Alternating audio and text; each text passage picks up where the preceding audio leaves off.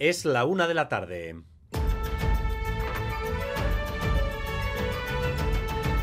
Crónica de Euskadi con Dani Álvarez. A Rachaldeón, el tercer gobierno de Pedro Sánchez va tomando cuerpo. El primer paso se está dando con la escenificación de la alianza con Sumar.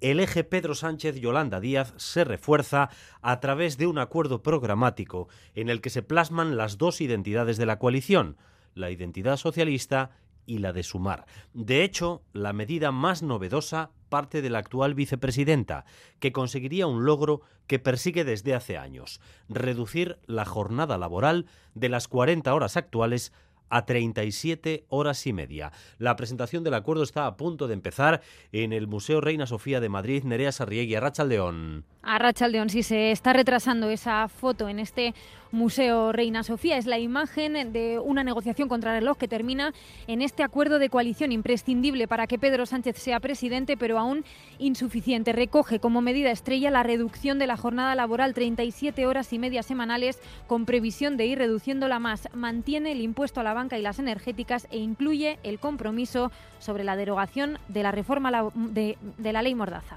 37 horas y media. ¿Quién diría que no? Bueno, pues ahí, quien no lo ve.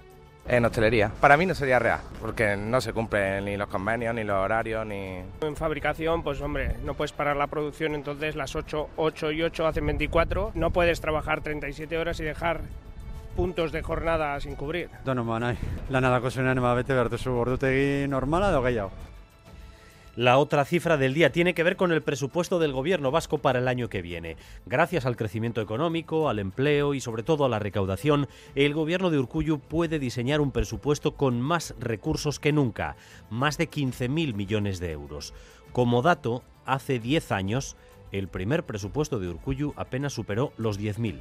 Es decir, ahora son 5.000 más. Rodrigo Manero. Sí, entonces estábamos sufriendo aún el bache profundo que provocó la crisis financiera, pero las cosas mucho en estos años, sobre todo en el último lustro, en el que no ha parado de batirse récords de recaudación. El año que viene los ingresos volverán a crecer un 5% y el gobierno vasco podrá gastar esos 15.000 millones de euros, que son 800 más que este ejercicio. En un contexto, eso sí, de alta inflación que lo complica todo, el Ejecutivo destaca los incrementos que se van a dar en Osakidecha, educación o políticas de vivienda y también en personal. El gasto en salarios aumentará más de un 6%, el triple que el sueldo de los funcionarios porque también crecerán las plantillas. Jornada de huelga en la escuela pública vasca. Van 11 huelgas en 10 años en la pública.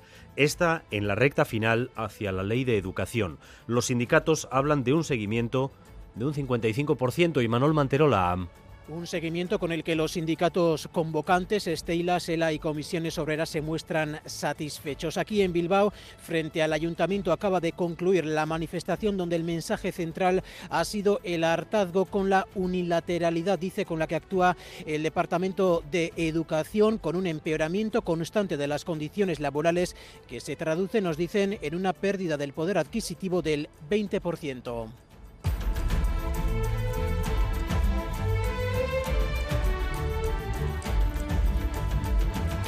Les daremos también los detalles sobre el crimen de Archanda en el que un cadáver fue hallado en una maleta hace unas semanas. Hay cuatro detenidos por ese crimen. Y en el Día Mundial contra el Cambio Climático les hemos adelantado aquí en Radio Euskadi el grado de cumplimiento del Plan Vasco que pretende combatirlo.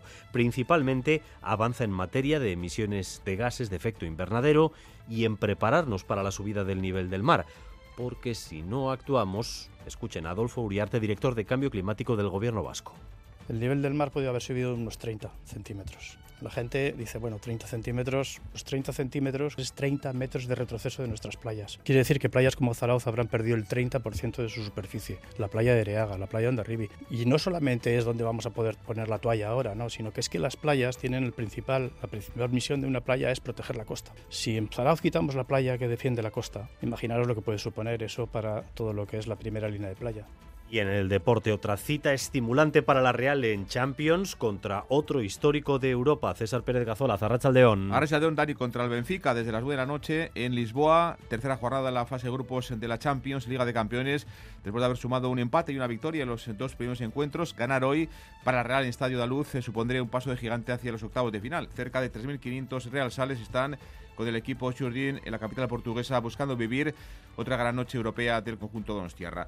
Y ya conocemos quién será la octava pareja clasificada para las Winter Series de cesta punta de Garnica. Serán Joaquín Arbe y Miquel Mancisidor. Ganaban anoche en Zumaya en dos sets a Cosme y Bailo. Por supuesto, retransmisión en directo de ese partido de la Real a partir de las 9 de la noche aquí en Radio Euskadi. Así tienen los goles en tiempo real y no un minuto y pico más tarde. En cuanto al tiempo, para las próximas horas se espera un aumento en la fuerza del viento, lo que traerá también mayor nubosidad debido a la llegada de un frente. La tarde, por tanto, va a ser lluviosa, aunque las precipitaciones serán escasas y las temperaturas máximas sin cambios. 17 grados en Bilbao, 16 en Donostia o en Zumaya, 14 grados de temperatura en Iruña o en Durango, 12 grados de temperatura en Gasteiz o en Leizarán. Gracias un día más por elegir Radio Euskadi y Radio Vitoria para informarse. Raúl González y Yayone Menjón se encargan de la dirección técnica, María Cereceda de la coordinación.